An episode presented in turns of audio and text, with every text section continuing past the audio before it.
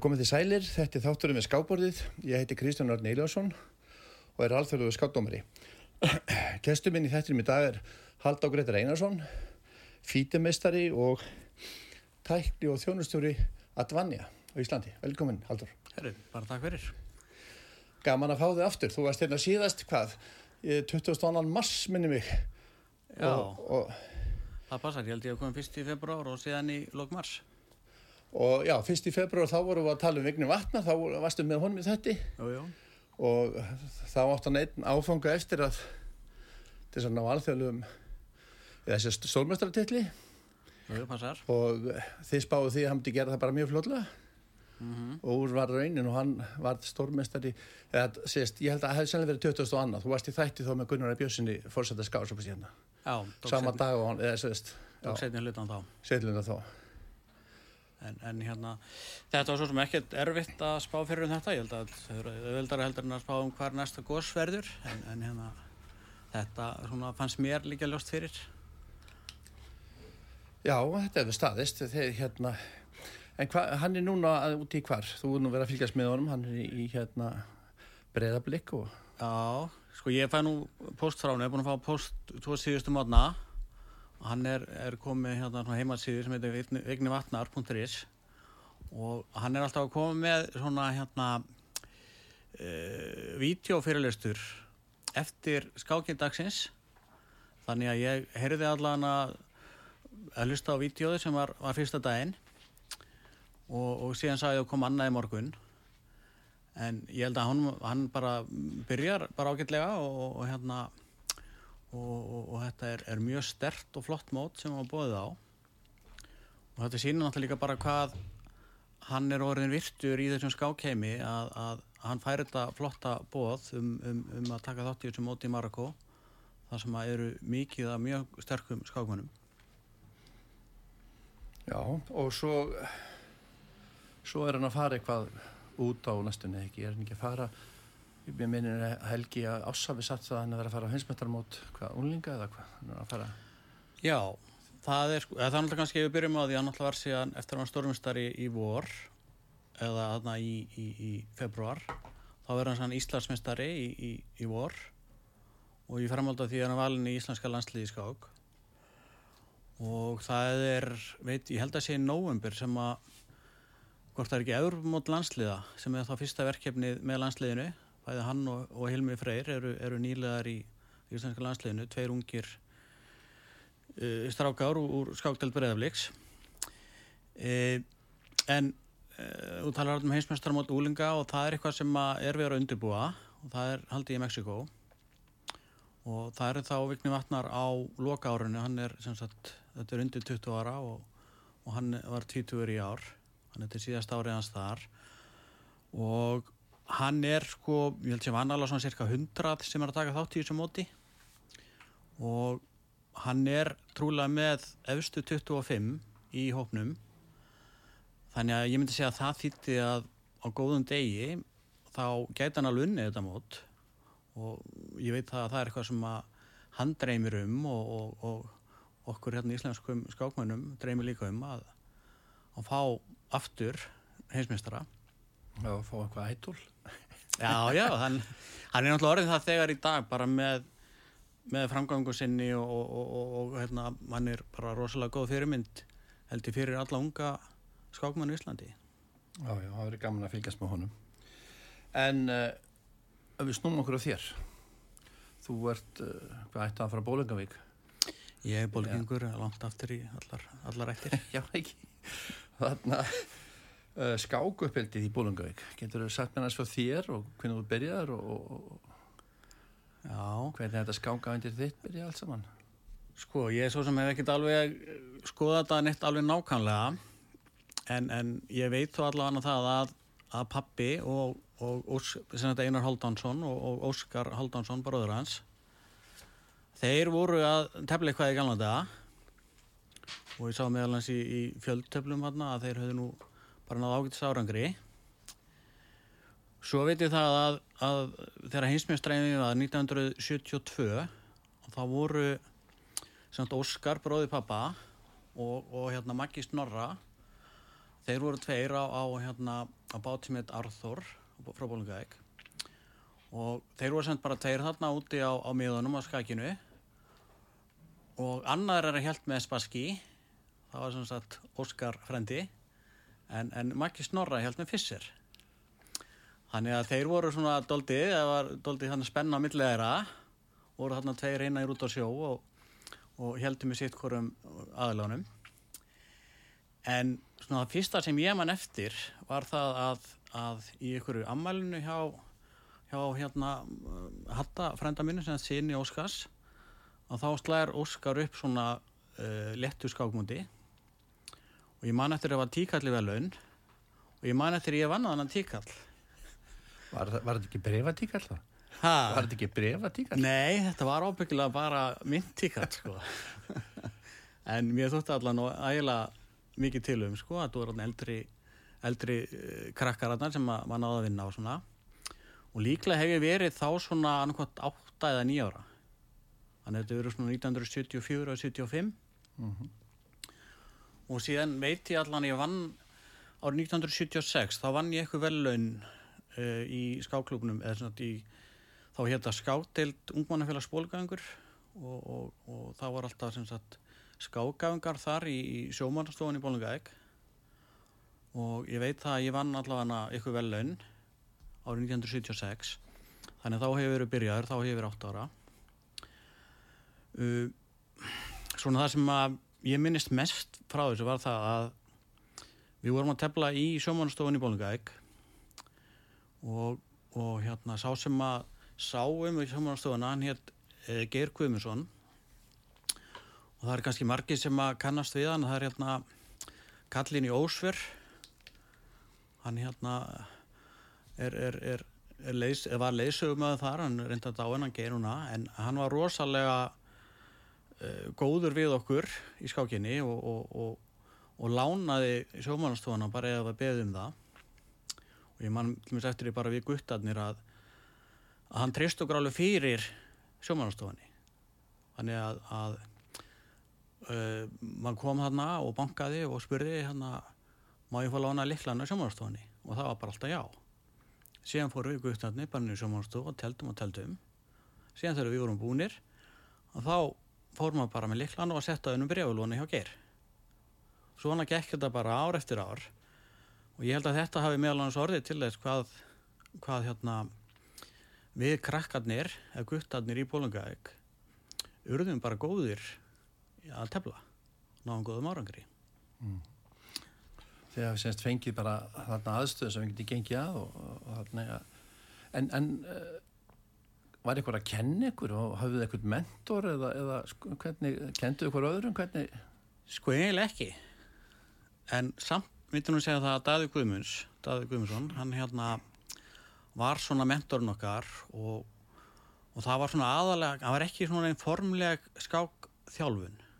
Ég vil kalla þetta frekar þjálfunin kennslu ef að hérna, þetta við fram í svona skóla eitthvað svona það sem þú skildu að mæta þá myndi ég segja að þetta sé kennsla.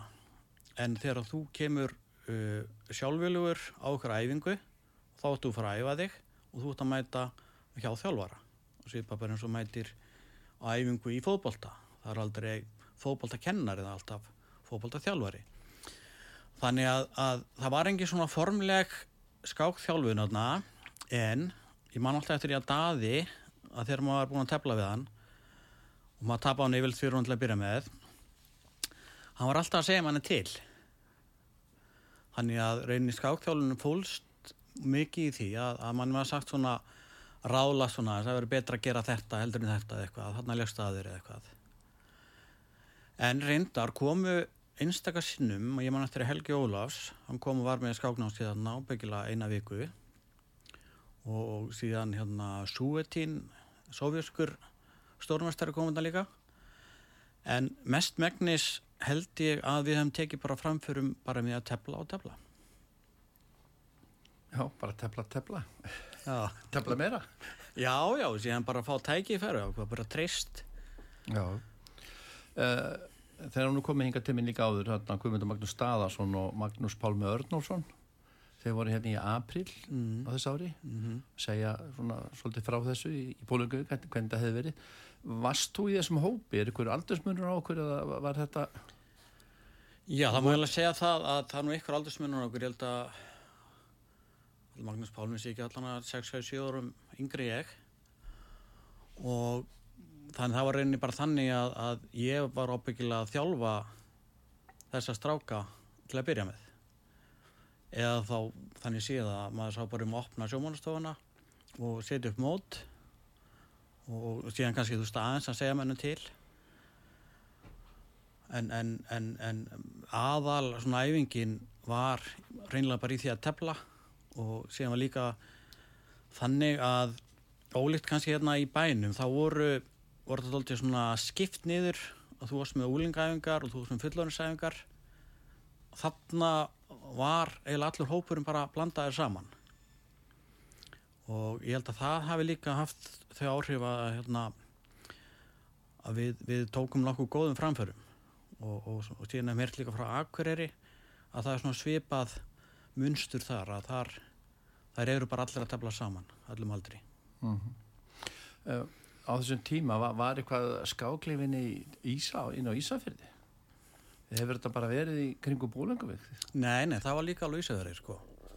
Og, og hérna og Suðureyri, þá voru skák með þar Flateri, þannig þetta var víða og hérna og einhvern veginn þá sko þá, það var náttúrulega aldrei sjónvarp á 50 dögum og hvort það er ekki heldur á sunnundum þannig að það var kannski já þetta allan að þótti vera þetta var bara nokkuð útbreytt þarna fyrir vestan að tefla.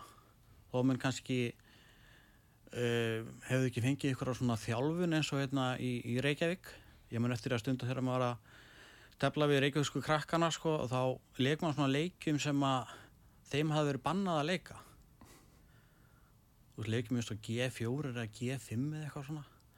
Þetta bara voru leikir sem að voru bara bannaði sko. Þetta var bara óðurlega leikir og og síðan kannski þú veist biskup B5 og biskup tripur rittar og CS og tvípeð það þótti ekki vera sniðut að að hérna að fórna biskup sko, fyrir ykkur rittar að fá eitt tvípeð.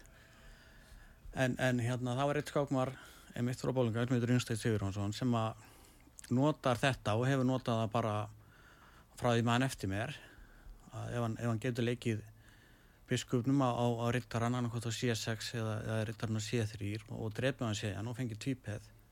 Og síðan er hann að hérna síðan er hann að, vinna uh, vinna síði að, að, að hérna að, að vinna þetta veika að þetta þótt ekki gott en síðan svona í nútíma hérna, skákfræði þá er þetta bara komið inn sem, sem bara viðkend leikaðaferð þannig að Já, hefur þú sett þetta í tölvu? Hvernig, hvernig, hvernig mötu tölvan svona stöðu? Nei, nei, þetta er bara þekkt í byrjunafræðinu núna þessi, þessi leikaðaferð sko, og, og hérna Með þurfa bara að kunna hana. Já, já ég er svona lendir í sjálfur oft sko að, að hérna ykkur aðrir heldur unnstætt sem hafa verið að leika svo mótið mér sko Já, kemur líka mönnum strax úr jafnvægi og hérna, undirbúningurinn farinn og Já. þurfa bara að fara að nota eimundunarblið og, og hugsa. Já, já, nákvæmlega sko En að því vorum að tala um Daða Guðmusson áðan, mm. hann var svona kannski einhver leiti mentor hérna hjá ykkur, hann var náttúrulega eldri og, og er eldri og Mm. Uh, var ekki eitthvað ammælismót núna í sumar Jú, hjá honum? jú, jú. Sem daði hann var áttræður núna í mars. Og þá ákvæmum við guttarnir sem hann er búin að vera að uh, ala upp að hérna að halda uh, ammæliskákmót fyrir hann. Þannig við heldum bara mjög glæslegt og flott ammæliskákmót á markashelgin í Bólungæk í, í, í loki júni sem að tókst bara rosalega vel og, og bæði þeir sem að tóku þátt og, og, og daði sjálfur og bara, voru bara mjög ánæði með þetta þannig að það tókst vel til og, og náðum þarna allan aðeins svona heiðira daða með þessu Já. Og ko- komu margir úr bænum hérna, sem er brottfluttir? Já, við náttúrulega komum allir og síðan kom hérna Karl Þorsteins kom hann líka. Áltöflu skakmastari og, og hérna sem að var á tímambili vann, vann í Bólingæk í fyrirstóðsunu og er svona okkar hann er svona vinur okkar. En þetta voru einhverju 30 manna skákmót. Og, og síðan voru líka það var ein, hérna ungur og efnilegur uh, strákur frá Ísæferði sem tók þátt og stóð sér mjög vel. Ég held að það sé ekki um 8 ára gamall. Já, en, en kom á óvart einmitt uh, í vor og þá var hann í öðru seti eða fyrst eða öðru seti í hérna yngstafloknum á skóla Skákmúti Íslands. Já, þannig það, þar er svona ungur skákmaður sem að gæti orðið bara næstu viknum vatnar þessuna Já, ef, ef, hann, ef hann heldur áfram og, og fær réttastuðningin Býr hann á Ísafjörðu það? sko, pappans er ísvinningur og, og hérna er liðtakur skákmaður. En mammans er indversk. Mhm, og hann býr sem sagt helming ársins í Indlandi og helming ársins á Íslandi. Og ég veit að hann hefur verið að tepla á Indlandi. Og það kemur kannski líka smá tenging við nú alltaf er heimsbyggar mótið í skák og það eru áttamann úslit og þar af þessum átta eru fjóri indverjar. Þannig að þannig að það er ekkit verra að hafa svona indverska tengingu inn í, í vestvist skáklíf. Já, já. Þeir eru mikið að góðum skákmann og krökkum, skákrökkum. mm -hmm. Uh, uh, ég, ég veit ekki hvort við ættum að fara yfir í, í ungu kynnslóðuna, það finnst við nú að tala um þennan unga mann að hérna uh, hver er formúlan að, bakvið alveg upp unga skákmenn þú nú verið sko hann í bæði bólöngu veik og, og hérna þau höfðu aðstöðu þar og svo stopnaður upp breyðablík mm. Þannig að þú sem eru mjög öflut félagi í dag í skákinni og hérna með marga unga og efnilega skákmennakonur Mm hver er formúlan? Sko, ég myndi segja að svona allan alltaf að byrja með þá þarf að vera með æfingar þrýstar viku. Það er bara svona svipað eins og er gert í fótbolta, handbolta og öðru. Ef þú ert með æfingar þrýstar viku þá einlega e, tryggjur það að einlega skákin er í, er í huga krakkana alla vikuna? Þeir eru annarkort nýbúnur æfingu eða leiðin á næsta æfingu. Uh, þetta var þannig í gamla daga, það voru kannski skágangar einu sinni viku.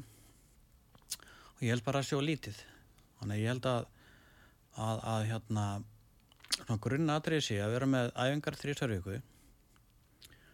Og jú, það er ákveðt að vera með svona kens, eða þegar þjálfun sína og hvernig á að gera hlutin og svona. En mestmegnis er þetta bara sérstaklega á sem yngstu bara tepla og tepla það er ekkert, Tefla ekkert tefla, vala flókið mæta þrýsari viku í góðum félagskap og hérna og tefla. Nú hafa sömið verið með einhverja kennslubækur svona eins og til að segja þrepa, þrepa bækur, Mm. step by step og, og síðan, hafa verið gefna svona, já, svona einhver eh, kennslubækur fyrir þá yngstu mm -hmm. uh, Hefur þú trú á því eða já já og ég meðal annars þegar þegar við vorum að, að byrja með skátild breyðablíks þá, þá sk- skoðaði ég þær bækur, step by steps og, og við keiftum inn bækur til þess að vera með og það voru notaðar einhver leiti og ég held að allt þannig sko flýtir fyrir en ég held að grunnurinn sé alltaf þetta að vera með þetta þrjusarvíku og þetta þarf ekkert að vera þannig sko ég myndi segja líka svona típisku þjálfari svona fyrir þessa yngstu það er svona bara ykkur sem er svona hvað maður segja félagsfær svona 17-18 ára úlingur það held ég að sé svona uh, mjög góð formúla til þess að koma svona starfi á stað. Og hann þarf ekkert að vera góður skákmaður. Það er svo ekki verra að hann, hann kunni eitthvað í skák. En aðalatrið er það að, að hann hérna getur sem stjórnað æfingu, opna húsið og, og, og sett upp mót. Og ef þú keirir svolítið sáfram í eitt vetur og nokkra vetur þá eftir eins og breyflik eftir tíu ár sko, þá voru bara þessi krakkarotnir verulega sterkir og kannski komnir þú veist yfir tvö skásteg. Þannig að, að, að og síðan er ég líka á því að það er svona stefnani verða svo að, að við lók grunnskóla þá eh, síðustu krakkar að stefna að vera svona kringum 2000 stíðin Þeir, það er nú verið að, svolítið mis lenga, hún hefur verið að kenna mjög ungum krökkum bara nýri í leikskóla og ómar líka, senda Mm. mig. Að, þau kannski kunni ekkit að lesa svona ung, þess að er þá bara betra að hérna, eins og segir, skapa þess aðstæður, uh, vera svona félagið þeirra, sí- sína þeim manngangin og, og svona fá þau á stað bara til þess að og, og þá kemur í ljós hversu mikill áhugin er og, og hversu efnulegur þú ert mm og taka þetta bara þaðan, svona eftir eirunum svolítið. Já, ég held það. Ég ætla að byrja með sko, er þetta bara spurningin um að, að vera með, koma sem sagt upp þessu að mæta á æfingar og það eru æfingar og, og krökkunum finnst nöðslega að mæta æfingar, æfingar og finnst skemmtilegt. Eh, Það er held ég alltaf bara grunnurinn og það er ekkit að því að byrja snemma og það er þetta bara að byrja, byrja með peðaskák þessuna og eitthvað álíka. En allan að koma upp svona þessari rútinu að mæta æfingar, vera í góðum félagskap, finnast gaman og, og, og, og síðan er þetta eitthvað sem hendar ekki öllum. Þannig að, að, að ég held að við hefum komið staði í Kópavogi, þetta var svona cirka kannski 5-7% af krökkunum sem að virkilega svona uh, nutuðis að tefla. Henni voru það bara meira í fótbolta eða tónlist eða ykkur öðru. Það verður svona tölvöld brottfall þá eða menn fara í, í eitthvað annað eins og þú segir. Já, já, já það, það er líka bara mjög algengt og ekki slemt að, að menn sé í mörgum saman, sko, bæði fótbolta og, og tónlistina með þessuna og skákinni. En auðvitað náttúrulega á okkurum uh, aldri þá og alltaf að ná okkurum verulegum árangri þá þarf þetta kannski einbindar að ykkur einu Mm og það kannski gerist of svona um 13-14 ára aldurinn sem að, sem að krakkarnir er að taka ákvörðunum hvort er alltaf að vera góður í golfi á Já. píanói, fótbolta eða skák.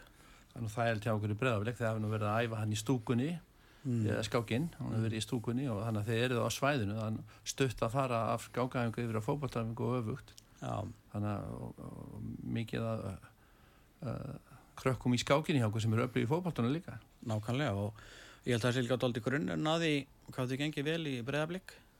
Uh, fyrsta lagi það að þetta er svona liggur rosalega vel við samgöngum.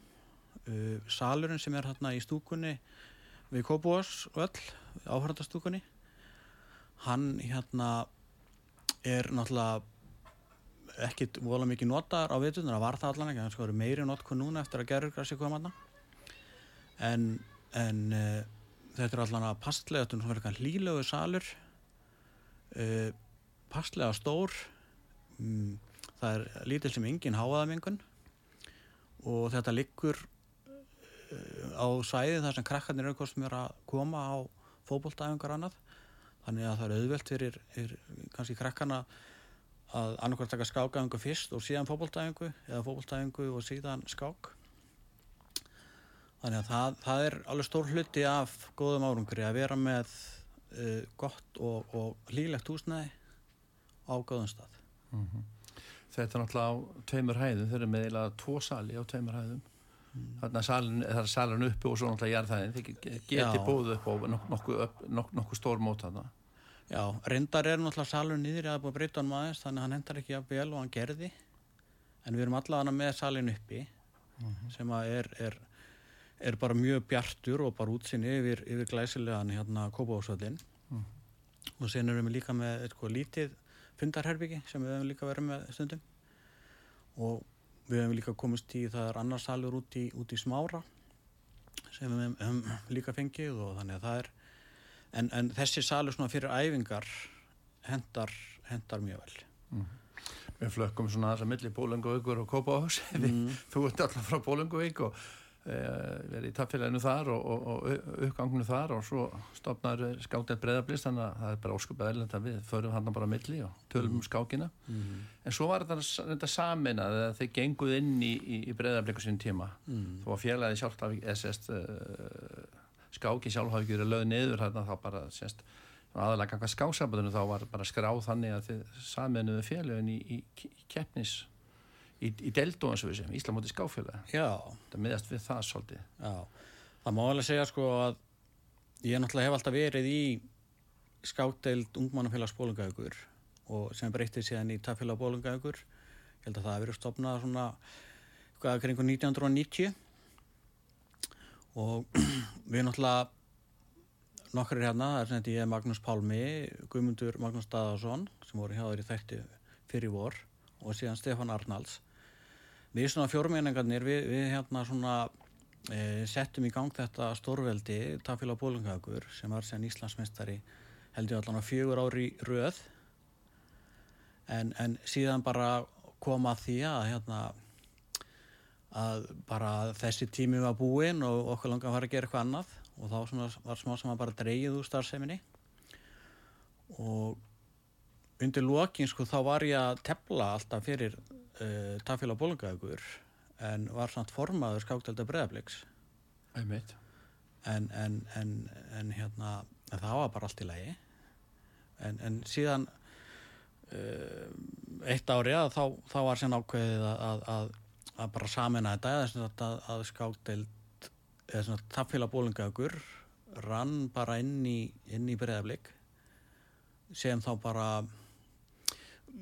sko eins og við varum að tala um áðan sko þetta tafélag bólingagur og félagskapurinn er ennþá til. Veist við við erum að hittast og tefla heimi á öðrum, hverjum öðrum og svona. En svona út af við og í keppni í Íslandsmöndi skákjöla að þá erum við inn í breðablik og sami við sem gerst eins og með hérna Reykjanesbæ. Þeir, þeir hérna raunum líka inn í, í, í breðablik og eru þá þannig séð að tefla með okkur í, í Íslandsmöndi skákjöla og eru þannig með þannig plattform fyrir sig sko en, en eru ekki sjálfur að, að, að senda líð Já, já. En það svo eru þið líka allir fluttir í bæin, þarna, þessi skarvar þarna vestan. Jú, jú. Þannig að það er, það er að hafa það þannig. Já. já, er það ekki bara ágætt að, að, að sko halda hó, hópin í öðrum félagi, saminast þeim bara og, og þannig að félagstarfi haldið áfram og, og, og svo getur menn alltaf að sko tekið þráðin aftur. Já, já.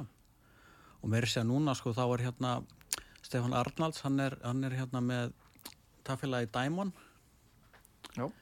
Dímon sem er hérna á kannan Hvolsvelli, já. Og, og hann er náttúrulega úr tafélagi bólungaugur, einn á okkur og, og síðan er bróður hans, Gummi Dada, hann telti fyrir það á, á síðasta vetri og, og mér heyrist jafnvel að fleiri bólvegingar getur hugsast þeirra að, að tefla með þeim. Þannig að þannig eru þeir bara að finna sér svona passlett plattform fyrir sig og það er bara það besta mál. Já, ég vonið sér ekki að, að fjópa eitthvað lendamál en þeir, ég, þeir ætla að koma sterkir til lengst núna í haust og, og ætla bara að vinna fjóraðildina. Já, já, ég, ég veist ekkert um það, ef að Stefán Arnalds er þarna annars vegar og, og Guðmund bróður hans, þá bara þá getur hægt enda með stórmeldi frá kólseldi þess vegna, sko. Bólíkaugur verður konund um all land. Já, já, já, við erum við það, sko, bólíkingarnir. Herðu, held að við skulum fara í auðlýsingar og svo komum við aftur. Já.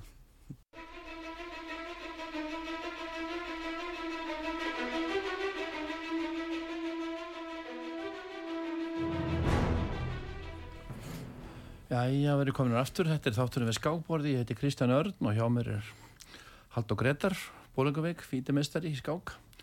Við vorum svona að tala með þessa blöndu þarna að Bólungavík væri komin út um alland, hendum mm. á tímóni, árum fórum, auðlusingar. Hvað með hérna, þú, þú, þú er aft mikið áhuga á, á úrlingastarfinu og svona þessum afreiksmálum mm. og svona talað um úrlinga undir 25 ára aldrunum og að þetta setja markmið móta stefnu og, og, og, og slíkt mm. hvernig hérna hvernig eru þau máli í, í dag og hvernig sér þetta fyrir og ertu eitthvað að skipta þar að þessu í dag? Ég er náttúrulega alltaf eitthvað að skipta mér af sko, svona baka tjöldin eða ekki sko. en, en ég hef náttúrulega svona ákveðna sín á hvernig hérna hvernig Ísland getur orðið bara stórveldi í skáki eða er kannski ekki stórveldi en bara nái svona framförum og þetta er allt spurning bara um að vera með bara ákveðna stefnu og, og, og ákveðna svona ramma í kringum þetta og, og fylgja henni sem bara eftir. Og ég myndi segja það að til að byrja með fram að loka grunnskóla og þá erum við að treysta á það að taffélagin í landinu sjáu um uppeldið. Og þá erum við að tala um þetta að við erum æfinga þrjusari viku og að reyna að stefna á því að, að, að koma að þeim sem að virkilega hafa áhuga og, og, og vilja setja tíman sinn í þetta sem grunnskóla krakkar að þeir geti náð því að fá, vera svona kringum 2000 skástík þegar grunnskóla líkur Sumir hafa kannski ekki áhuga á því og eru þá bara í félagskapnum og sem er bara mjög fínt. Sen eru aðri sem að e, eru ná kannski 2200 elastugum lókurunskóla þá eru að tala um svona Stefan Brím Bendit Brím Vigni Vatnar og fleiri þeim, það er þá ykkur sem eru í það sem við getum sagt að, að, að séu bara stórmestarefni eða halda áfram. E, síðan þegar grunnskóla líkur þá tekum við þetta tímanbíl frá 16 ára aldri til 25 ára aldur. Og það er líka rosalega mikilvægt og það er held ég að sé kannski það sem að ég held að Íslandingar séu rosalega góðir í á grunnskóla aldrinum en það sýnir sig bara í, í, hérna, í Norrlandamótanum að við erum alltaf að ná góðum árangri þar. En síðan kemur þessi aldur hann síðan við talum 16-25 ára sem að við erum bara ekki nógu góð, góðir í hérna í Íslandi að, að stíða við. Og þannig eru aðeins öðruvísi þarfir. Fyrstalega sko þarf að vera bara mjög góður svona félagskapur á milli þessara þetta eru kannski, það er kannski fara að fækka í hópnum. Af því að við vorum að tala um kannski 13-14 ára þá eru krakkarnir að velja hvaða greinir alltaf taka þannig að enda með því að það topparnir svona halda áfram. Og ef það er bara hver og einn í sínu hotni þá held ég að þeir endist ekki lengi. En ef hún er að koma ykkur um hóp saman 8-16 manna hóp sem er í þessu þá held ég að þú getur byggt upp uh, framfærir og, og svona bara ánægu og, og, og annað hjá þessum aldurslokki uh, hérna á Íslandi þá var stofnar þessi þessi 25 hópur, landslýshópur og þá var mjög það að, að sagt, þetta eru krakkar á aldrinum 16-25 ára sem hafa náð uh, 2000 elastöfum og í dag er þetta, ég held að þetta sé svona kringu 16 sem er í þessum hóp og þeir eru með æfingar einu sinni viku og sem veit ég að þeir eru líka í heilmjöglum miklum samskiptum þessa myndli þessi hópur er líka að fara á, á mót Erlendis. Það er líka annað sem að kemur þarna sem er ekki að mikið í, á grunnskólaldrinum á þessum aldri þá þá þurfa þessir uh, afreiksmenn okkar afreiksfólk að komast á alþjóðlumót uh, tefla við við hérna uh, jafnaldra á, á, á hérna eða bara alþjóðlega skákminn og þetta kostar ákveðin pening. Og við höfum verið að spara aðeins aðna og ég held að við þurfum að setja mikið meiri peningana af því að ég held að, að hérna, þetta, þetta mun við munum uppskera markvald ef við gerum þetta.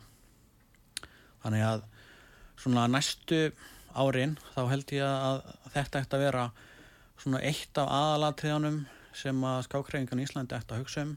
Það er það að setja meiri púður í þannan aldurslokk hugsanlega, núna eru, eru, eru æfingar einu sinni viku. Hugsanlega fjölgaðum og vera með þrjár. Og, og en, en, en, en leggja þess að áherslu á að, að leggja bæði pening og orku þannig, en það eru við með góðan grunn til að byggja á þannig að já, það er svona mín formúla fyrir já. þannan aldurslokk Þetta er svona kannski svipað og Kjartan Brím var að tala um. Það er að koma inn í þátti, ég veit ekki hvað þú har hlustað á hann Jú, ég hlustaði með dán, ég bara er mjög sammálað þeirri nálgun sem hann er með sko, bara, mm. en það er þetta bara held ég sem allar uh, íþróttagreinar uh, hafa komið stað að hérna að, að, að hérna það, það þarf að, að vera góðu stuðningur sérstaklega við þannan aldurslokk mm -hmm. Það var að mynda að tala um hann að þeir alltaf já, kemur í ljósi haust, ekki einhvern ég vil eitthvað peninga eða svona styrkja þetta e- e- eitthvað hátt sko. Mm -hmm.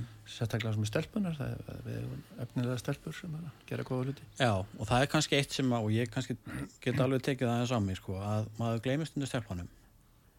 Og en við eigum núna alveg hrikalega efnilegar uh, stelpur og ég vil bara sérstaklega nefna bara Guðrún Fanny Brím og Íðinni mm -hmm. ég teldi Íðinni fyrir tveimur ánum síðan sko bara þvílegt efnileg, efnileg. Og síðan veit ég líka að það eru, það eru margar efnilega stelpur upp í fjölni á Helgi Átna þannig ég held að við hefum líka aðeins að setja doldið góðan kraft í að stíða þessar stelpur. Og þarna hjá stelpanum held ég líka svona þessi félagslegi þáttur þessi ennþá mikilvægur heldur en á strákanum Já, ég held að það sé rétt hjá þessu. Ég, hérna, já, það, kannski já, það standa svona meira saman. Kannski að það eru færri og, og hérna, eins og Jóhanna sagði hérna, þegar hún kom hérna líka þú veist, það er kannski erfitt að vera eina stelpan í, í, á móti eða einhverjum hópi það er kannski tvær, það er kannski verða Mhm. svolítið út undan það er upplifa sér þannig allavega. Já, þannig að það er kannski þurfa þetta frekar að menn þurfa að vera passa það að, að fara eftir slag og því fíti. Við erum öll einn fjölskylda. Það er ekki nei, nei. En þetta er líka sko ég veit að ég hef hýrt það að, að Jóhann Björg sjálf hefur verið með æfingar fyrir efnilega stúlkur einmitt upp í breðablík og ég veit að, að, að stelpunir eru mjög ánaði með það. Og en ég held að þær vilja líka tefla svo sem á mótum það sem strákar eru. Mm. En þetta þarf svona einhverja rétta blöndu. Og, og ég heyri náttúrulega aðeins líka í hérna Byrni Ívari þegar maður harðin daginn sko. Við erum með hérna nokkra hérna á Íslandi sem að eru bara miklu sérfræðingar í þessu eins og Lenka og við erum með Jóhannu Björgu og við erum Björn Ívar. Þannig ég held að við eigum alveg að geta og mér sem Helgi Ólásson er, er líka mjög ásamur um þetta. Þannig ég held að við hefum alveg að geta búið til svona á næstu árum eitthvað gott prógram fyrir stelpunar þannig að við lendum ekki í þessu brottfalli sem að því miður hefum lendi í með margar efnilegar á undarverðum árum. Og ég held að það ætti að vera stefnan að, að gera það. Já, mér sýnast nú vera, vera svona komin með, með, með, fólk talar nú um þetta, þetta er, um þessi aðri Það hefur verið tala um aður, Guðfrú Lili var hérna fórseti og það var að tala um en, en hérna það þarf að það þarf að gera eða, ég myndi segja kannski þá kunnum við kannski ekki jafn mikið eins og við kunnum í dag ég held að við kunnum meira, vitum hvernig á að gera þetta Mm. þannig að ég held að með þeirri þekkingu að þá eigum við að geta sett að stað eitthvað starf sem að, sem að sem sagt, virkilega virkar mm -hmm. Skák í skólum uh, sko, það er verið að tala um það í mörgar skák í skólum og hún er kend í skólum líka sem staðar mm. Hver, sko, svo, svo hef ég hert svona rættir að, að, að eins og kom reyndar upp á aðanfundunum hjá okkur síðast að sumið voru bara ekkert alveg sáttu við það þetta að fara að kenna skák í skólum. Vildu þetta væri bara hjá skákfélagunum sjálfum? Ertu með okkur að skoðuna þessu? Já, sko við erum alltaf mikla reynslu af þessi kópúði og ég myndi segja það að eh, svona útungunarstöð fyrir efnilega skákmann eru alltaf í þessari kenslu sem að per fram í, í skólan. Það er reynið þannig að ef að þessi, náttúrulega hefur alltaf verið og það má þakka hlýðari þór reynsinni að það hefur alltaf verið góð skákjensla í skólum í Kópavogi, við erum með Tómas Rasmus, við erum með hérna, við verið með, skal ég segja, hann Einar Ólafs í Vassendarskóla og, og, og við verið með hérna í Hörðuvallaskóla líka og Lenka og fleiri, þannig við erum með mjög flotta uh, skákennara í skólanum og þeir eru að koma inn með þessa nýliðun sem kemur sen inn á æfingatinn á félaganum. Þú ert kannski með 20 manna hóp í skólanum en síðan er kannski 3-4 sem að fara á æfingar hjá félaginu. Þeir eru það áhuga samir að, þeir gera það. Þannig að ef að þú hefðir ekki þessa kemsli í skólanum þá, þá, þá held ég að, að, hérna, að þú myndir ekki fá þessa nýluðin sem við erum að fá í dag. Já, þannig að þú telur að mjög mikilvægt að, að, að þetta sé í skólan. Já, og líka mjög mikilvægt að, að halda skólamótin. Skátil Breiðabliks hefur alltaf haldið skólamótin í Kópúi, bæði liðakeppni skólana og einstaklegskeppni og það var alltaf verið þannig að það hefur verið umkringum 200 til 300 uh, krakkar sem hafa tekið þátt í hvorum sig. Þannig að þetta hefur verið svona cirka 5% af öllum grunnskólanemnum í Kópúi sem hafa verið að tefla á þessum skólamótum og, og þetta bæði náttúrulega fyrir kennslan í skólanum, þá var þetta mjög mikilvægt að þá hafa krakkarnir að ykkur að stefna og síðan líka þá bara fyrir að koma þessum tengslum á milli taffélagsins og krakkarna sem er að byrja í skólanum að, að þau sjá þarna þarna er sko farfögu fyrir þau áfram Eh, Svo eru náttúrulega fleiri aldursópar, það eru 50 pluss og, og 65 pluss. Ég allar var þangað strax ég, ég veit það ekki, Jú, jú. T- tíminn líður og steytist í tímanum okkar. Kannski aðeins áðurum fyrir málum þangað, þá langar mér samt að nefna líka uh, eitt að trifiðbót. Að það er þessir skákþjálfarar sem við verið með og, og í breyðablík þá náttúrulega verið mjög heppin að, að fá Birki Karl Sigursson inn sem skákþjálfara á sín tíma og hann er bara alveg stór þáttur í því að hvað skákþjálf breyðablíks er öflug í dag. Hann verið bara með, með hu- hug og hjarta í þessu alla tíð og, dag, og ég myndi að segja það að ég var með að pæla í þessum daginn sko, hvaða uh, skákþjálfarar hvað verður öflugustu og, og, bestu skákþjálfarnir á Íslandi? Og þá myndi ég að segja að Björki Karl er einn af þeim. Síðan Björn Ívar Karlsson hann er, er líka hrikalega öflugur og sennilega besti skákþjálfarinn okkar í dag og, og, og hana, við erum svo heppin í skáttil bregðarblíks að hann er yfirþjálfari þar í dag.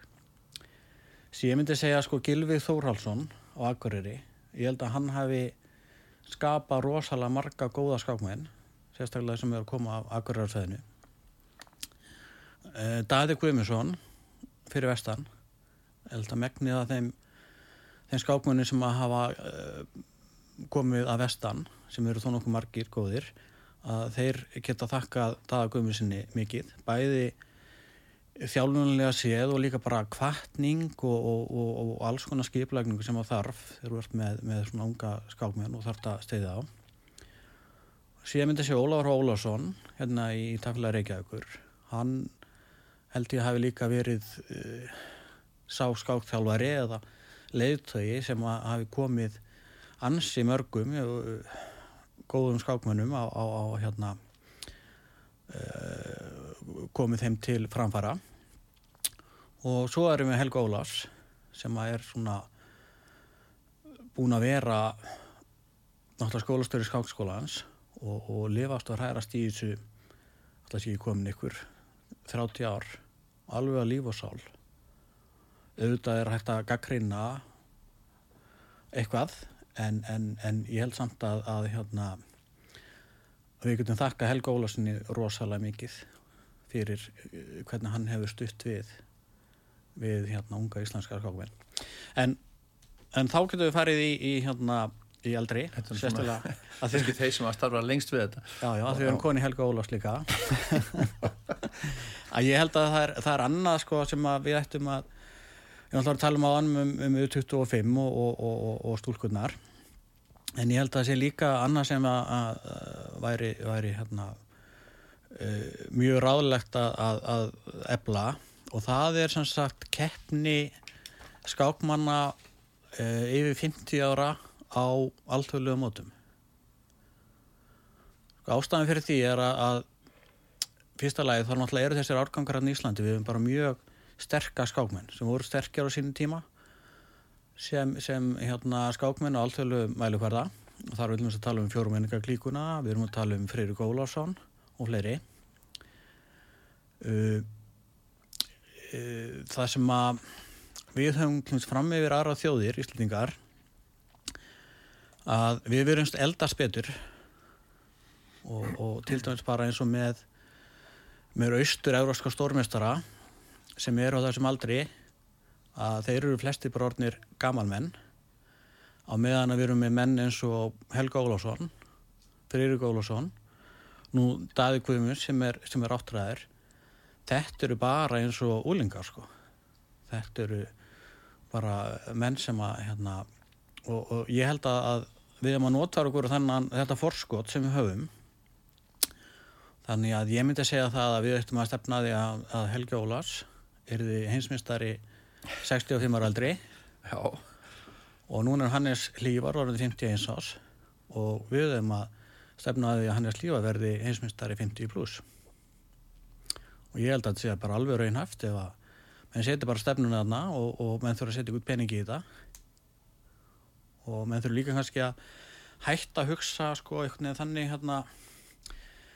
Já þeir eru orðin svo gamlir að að, hérna þeir eiga alveg nóga peninga og geta bara séð um þetta sjálfur sko hafið þetta bara þannig að, að, að hérna skákreifingin, skáksamönd Íslands hún stjórnar þessu hún velur landsleistjálfara sem velur þá sem er að fara. Skáksamönd Íslands borgar kostnæðin nú ef að þessir öldungar eru svo velhaldnir að þeir geti borgað þetta sjálfur þá styrkjaði bara skáksamönd tilbaka með því en þetta er bara alveg það sama eins og með það er hilmingið af ungum skákmönnum sem að eiga efnaða foreldra. En við erum ekki að gera eitthvað greina með þar á milli að segja bara heru, þessi á svo efnaða foreldra að hérna, við styrkjum hann ekki neitt. Því, þú getur bara gert með öðrum hætti þá á því, já og þau, vantalega Þau hafa á því alveg og kjartan brímar að gera. Já já minna Agnars Tómas Möller og fleiri það er bara hilmingið af, af hérna af foreldrin sem að standa nærri skákinni og þau sjá að það er eitthvað vel gert og tala ekki um að það vera stiða við þeirra bönn að, að þetta kemur alltaf tilbaka með einhverjum hætti og það er eitthvað mótun í september ekki? er, er það heimsmættar mót öldunga, 65 pluss eða Evro, Evrópumót gæti verið, Það er er sport. alltaf, alltaf móti í gangi sko, það er bara að setja ykkur að stefnu og markmið og, og, og einmitt að vera með það svona bara æfingar fyrir fyrir 50 pluss og annað já. Mhm. bara gera þetta alvöru sko, ekki vera ekki vera með ykkur svona áhuga með sko í þessu bara setja þessi markmið og ná þeim að að það er nú ennþá sumar hjá okkur við erum svona verið á lettunótonum í sumar bara svona, mm. spjalla þessum hvað menn hafa verið að gera, hvað er þú búin að vera að gera í sumar Herðu, ég er nú aðalega út á golfvill á sumrin en við náttúrulega vorum, fórum vestur um, um markaselgina og teldum á að málsmótin hjá það Guðmunds. En, en það er þannig að við erum nokkri skákmenn sem að hittumst alltaf á þriðutum og spilum golf. Og, og þar er svona fastur hópur sko að þar er, er, er ég og, Helgi Ólásson stórmestari uh, Karl Þorstins, alþjóðlega mestari og Þráin Viffússon sem er, er, bróðir Hannes Lífars síðan hafa komið inn í þetta Þröstu Þórals hefur, verið að að spila gól með okkur. Stórmestari stórmestari uh, Rapp Loftsson sem er, er, er mjög, mjög hérna góður skókmar næstuðin fítimestari næstum hýttumestari og, og, og hérna en þeim er betri í gólfi og síðan erum við með sko Jónið Látnarsson stórmestari og, og fyrirhundi heimsmestari Úlinga hann hefur að, og bróður hans Áskið Þór og svona hinnur og þessir foreldrar, Brynjar Bjarkarsson hann, hann hefur verið að spila gól með okkur og, og hérna og síðan var nú alltaf hérna fyrir nokkrum árum, það nú misst ekki verið haldið núna í nokkur ár. Þá heldur ansi skemmtileg hérna gólmót sem voru þannig að e, það voru tekin saman árangur annars vegar í golfi og skák. Þannig að, að hérna þetta metill í helminga það var svona telt og síðan, eða, fyrst spila golf og síðan hérna fengist þér eitthvað smá snarl og, og, og síðan telt og síðan var samanlegar árangur eftir ákveðinu formúlu notaður til þess að hérna, finna út sigurverðan. þetta er mjög skemmtilegt. Já, og hafið þið verið að keppa upp í hvað Mósi, ég hef tekið þátt í þessu held í tvisessunum, er, er þetta upp í það var upp í Mósusbæð þá. Já við höfum bara skipst á að vera á, við höfum verið upp á Akranissi, við höfum verið upp í hérna á Vífjöldstöðum, á GKG, Móftvöldsbæði voru við, Hafnafyrði, þetta hefur verið víða sko, en, en allt er af skemmtilegt. Yfirleitt hefur hérna Helgi Ólafs unnið þetta. Hann er bæði góður í skák og, og, og mjög góður í golfi. Og við höldum við fram að, að, að með þess þeirri formúlin sem við notum að þá sé hérna Helgi Ólafsson líklega uh, sterkast í golfskákmaður heims. Já. Og, og, og hérna við höfum alltaf haldið mót við þessu köllum að Íslandsmót en, en, en hérna við höfum verið aðeins að kíkja á hvort að væri ykkur stórmestarar eitthvað sem að, sem að kynni eitthvað í golfi og njóstna eftir því og við vitum að hérna Símen Agdestæðin stórmestari frá, frá, frá hérna Nóri hann hefur eitthvað verið að spila golf.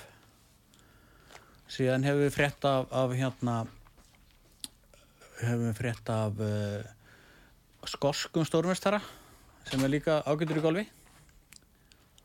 Og svo hérna Pítur Hæne Nílsen sem er, er dansku stórmestari og er, er hérna svona aðal aðstofamaður Magnúsa Karlsson hann er, hann er líka frambærlegu gol, golvari og ég á nú eitthvað að spjalla við Pítur Hæne í í vor um þetta, golf og skák. Og, og þá kom fram að hann hefði alveg áhuga að vera með á svona móti. Og, og líka þessi skotski stórmestari, hann lísti líka áhuga fyrir því sko þannig við vorum svona búin að setja svona smá áallin að halda bara núna í águst, halda svona alþjóðlegt golfskákmót. Og, og, og þá kannski kemur þessi skotski stórmestari og, og Pítur Henne Nílsen kemur hérna og hérna og væri með þessu móti. Og þetta væri akkurat sko meðan að hinsbyggamóti í skákværi að því að við vorum búin að rekna það út að Magnús Karlsson hann er nú sannlega ekkert með í þessu móti. Að því hann náttúrulega er heimsmystari og til þess að vera að taka þátt í heimsmystara en að undakefni heimsmystara mótsins eða allar að verða heimsmystari og þá myndi sko Pítur Hæne sem er náttúrulega alltaf aðstofan og vantalega aðstofan núna í, í heimsbyggamótinu að hann væri í smá frí og gæti komið þarna og, og tekið þátt í mótinu og sem væri náttúrulega gæti náttúrulega verið bónus að, að Magnús Karlsson hann myndi nú kannski bara koma og, og taka þátt í mótinu líka því við vitum að hann kann, hann kann einhvað í golfi. Eitthvað í golfi. Og hann líka náttúrulega búin að lýsa því yfir að hún er með svona leðilegt að tefla að hann geta hann kannski bara verið að spila golf. Já, hann er eitthvað, hvað er að gera smann? Er hann eitthvað, eitthvað leiður á svon kappskákum? Hann er kannski bara doldið reynskilin, bara lætu vita hvað hann er að hugsa. Kemur eitthvað leiði hann bara svona kannski tíambili Það gerist heldur með alla sko. Þannig að og þetta er náttúrulega líka reyndar kannski þróun sem er að verða og hann er kannski hann er kannski líka kannski aðeins að reyna að stýra. Og það er það að á vægi sem sagt þess að steyttri skáka að það aukist. Og, og hérna og það er líka kannski bara mjög skynsalegt að því að það er kannski auðveldara fyrir fólk að fylgjast með til dæmis atskákum heldur en kapskákum meira að gerast og eftir því sem fara þá fleiri til þess að fylgjast með þá færðu vantalega meiri auðlýsingantekjur og annað og þá færðu herri hérna, verðlun og annað. Þannig að þetta held ég að, að spili þannig inn í þetta að, að hérna, ég sé fyrir mér svona að atskákirnar sem eru þá skákir sem taka cirka klukkutíma að það verði svona þetta framtíðaform sem að muni lifa af í skákinni. En það er þetta orðið þannig að þessi skákun eru þar góðið þeir þau eru ekkit meir en halva kljókstund til þess að klára skákina, held ég. Já, já. Herðu tíma okkar er vist liðin, er það eitthvað svona sem að við getum alltaf endurist verið að tala um skák og, og golf, eða ekki?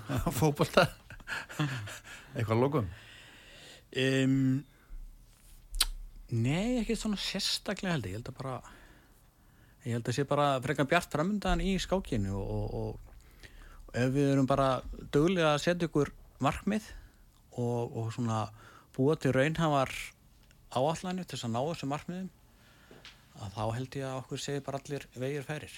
Já, þannig að þú valdiði lag. Mástu hvað það heitir? Já, það heitir hérna Into the Dark það er samt ekki þannig séð að, að skákin sé eitthvað á leðinni í myrkrið. Nei. heldur er þetta hérna vestfyrst hljónsveit sem að er hérna það er annars vegar uh, það eru tvær, tvær stúlkur ennur frá, frá hérna Núpi í, í Dýrafjörð og hinn frá Suðureyri.